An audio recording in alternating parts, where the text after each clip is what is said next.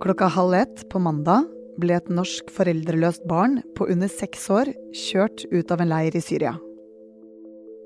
Barnet hadde en norsk far og er derfor norsk statsborger.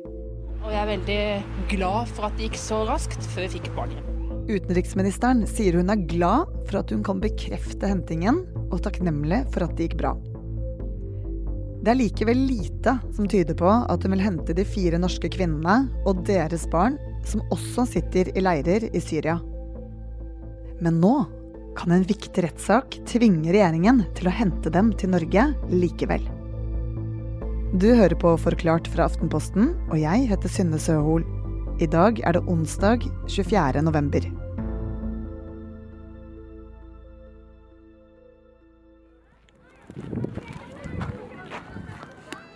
Om natten på denne tiden kan det bli rundt seks grader i den nordøstlige delen av Syria. Og snart kan gjørmen rundt teltene i leirene fryse. Her bor det åtte nordmenn som vi vet om. Det er 30 år gamle Aisha Shezadi Kausar.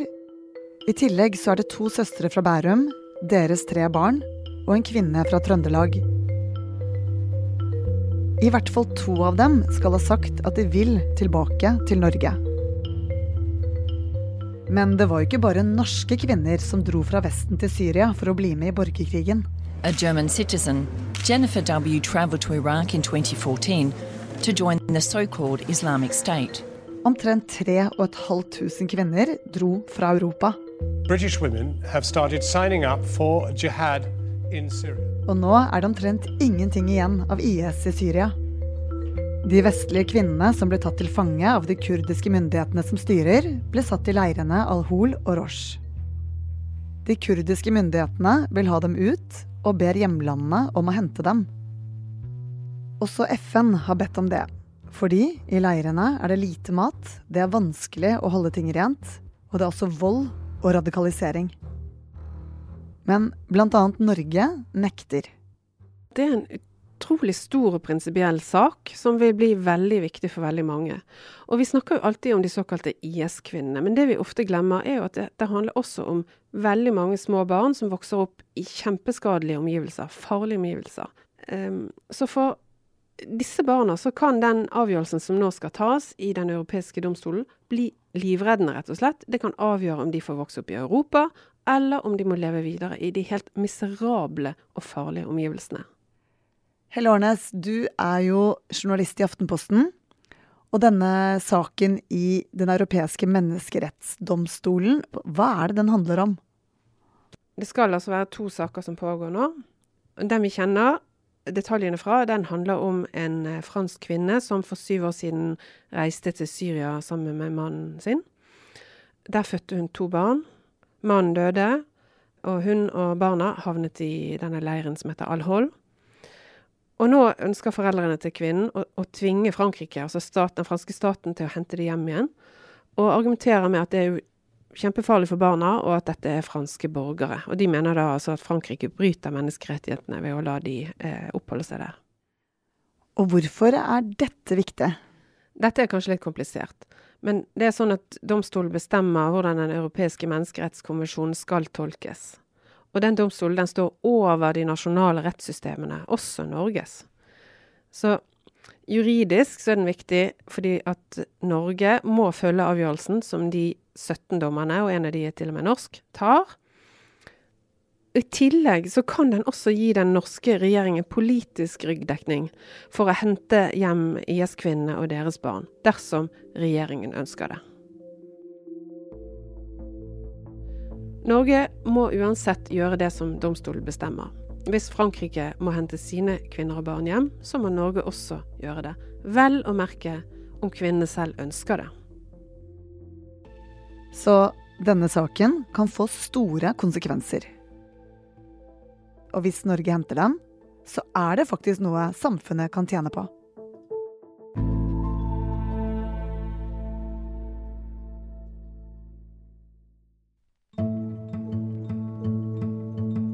For to år siden skjedde det noe som skapte politisk kaos i Norge. Da regjeringen bestemte at Norge skulle hente en norsk kvinne og hennes to barn ut av Al-Hol-leiren i Syria, ble Frp så sinte at det gikk ut av regjering. Det fikk begeret til å renne over.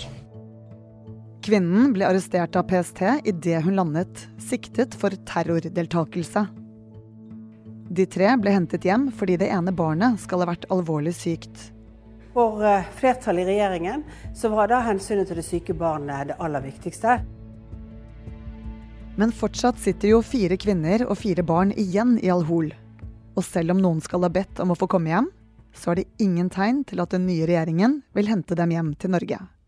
Det er mange faktorer her. Altså Selve operasjonen er jo veldig komplisert. Hvem skal fysisk reise inn og hente de? Eh, F.eks.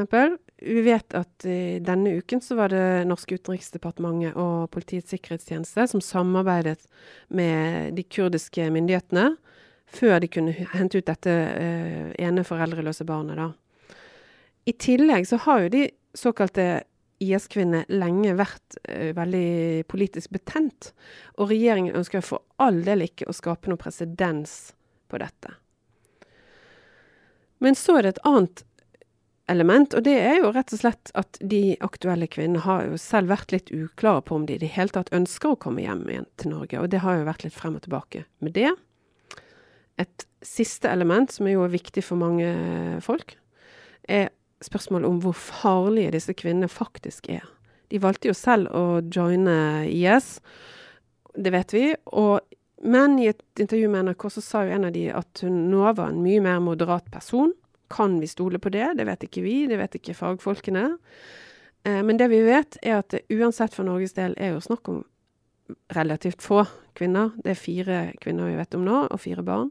Dersom de skulle komme til Norge, så vil de jo etter all sannsynlighet settes for retten, og muligens havne i fengsel i noen år. Og deretter så er det vel ikke usannsynlig at PST eh, eller andre vil prøve å følge veldig godt med på dem. Men vi vet altså ikke hvor radikaliserte disse kvinnene er i dag. Eh, det vi skal huske på, er at da kalifatet falt i Syria og Irak, så sa IS-ledelsen at nå var det kvinnene som skulle føre det videre. Men var argumentene for å hente dem hjem da? Først og fremst det humanitære. FN har bedt oss om å hente dem fordi det er så jævlige forhold her. Dette er norske borgere, og ikke minst det er norske barn. Og mange mener vel at Norge ikke skal være et land der barn må betale prisen for forbrytelser eller feil som mødrene har gjort. Og for det andre, det handler om relativt få personer i utgangspunktet. Det er sikkert håndterbart for norske myndigheter, hvis de vil, å hente de hjem.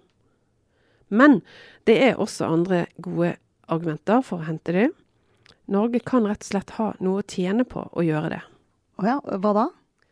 Jo, for disse kvinnene de vet jo veldig mye om hvordan IS-systemet fungerte fra innsiden. Det er det ikke mange som gjør. Og I tillegg så kan de fortelle mye om radikaliseringsprosesser, og det tenker jeg er et ekstremt viktig spørsmål i dagens Norge. I tillegg så unngår vi at kvinnene og barna deres ikke lenger påvirkes av disse radikaliserte islamistene som vi vet jobber i leirene, pluss at vi rett og slett får bedre oversikt og mer kontroll over dem. Men det blir nok dyrt. For det koster å hente hjem kvinnene og barna fra Syria. Ikke bare selve operasjonene med å få dem ut, men også mulig fengselsopphold, terapi, oppfølging av barna og ikke minst lange rettssaker. Rettssaken mot kvinnen og de to barna som ble hentet hjem, var historisk. Hun var nemlig den første norske kvinnen som ble tiltalt for å delta i IS. Og så, i mai i år, kom dommen. Hun ble dømt til tre og et halvt års fengsel for å ha deltatt i terrororganisasjon, som det heter. De trodde ikke på at hun var et offer for menneskehandel. Og nå skal saken opp igjen i Borgarting lagmannsrett i februar. Ja, De fire andre kvinnene som er igjen, de er jo allerede siktet for å ha deltatt i en terrororganisasjon. Eh, er det sånn at hvis de kommer til Norge, så kan vi regne med flere rettssaker? Ja, det risikerer de når de kommer til Norge, om de kommer til Norge. Og da vil det være noen ting som er viktig. F.eks. om de dro før eller etter at det ble ulovlig å være med i IS. Om de har deltatt i terrorvirksomhet øh, og drap. Og selvfølgelig også vesentlig om de fremdeles støtter IS. Altså er de radikaliserte fremdeles. Og nå er det sikkert mange som følger spent med på hvordan eh, den saken i Frankrike ender. Så når får vi svaret? Nei, det vet vi jo ikke. Men det kommer jo an på i disse sakene om dommerne er enige. Det er mange dommere. Og så tar det lang tid å skrive en sånn dom. Det er stor og komplisert sak. Noen har spekulert på at den vil komme før jul. Andre tror ikke den gjør det. Men det at domstolen har brakt saken opp i den såkalte storjuryen, det betyr i alle fall at den er prioritert og viktig. Vi har ikke noen indikasjon på at det er flere barn som har norske foreldre. Og hvis vi får indikasjoner på det, så vil vi følge opp med disse sakene. På mandag kom jo eh, et barn hjem fra Syria. Vil det dukke opp flere lignende saker i tiden fremover? Det er ikke usannsynlig, det. Jeg syns det er superspennende å se nå at norske myndigheter vektlegger at dette barnet sin far var norsk. For det har jo til nå vært veldig mye snakk om mødrene. Um, I dette tilfellet så har de jobbet med å fastslå med DNA uh, at det foreldreløse barnet er norsk. Uh, for det var jo veldig mange norske menn som reiser som fremmedkrigere. Sant? Og selv om mange av de er døde eller borte, så vet vi at det var en av hovedoppgavene deres var rett og slett å lage barn. De skulle lage små krigere. Um, og da må vi bare regne med at det finnes uh, barn der ute som har norske fedre. Så det kan godt være at det uh, tusler flere små norske barn rundt i leirene. Barn av norske fremmedkrigere. Og det skal bli utrolig spennende å følge med videre i denne saken.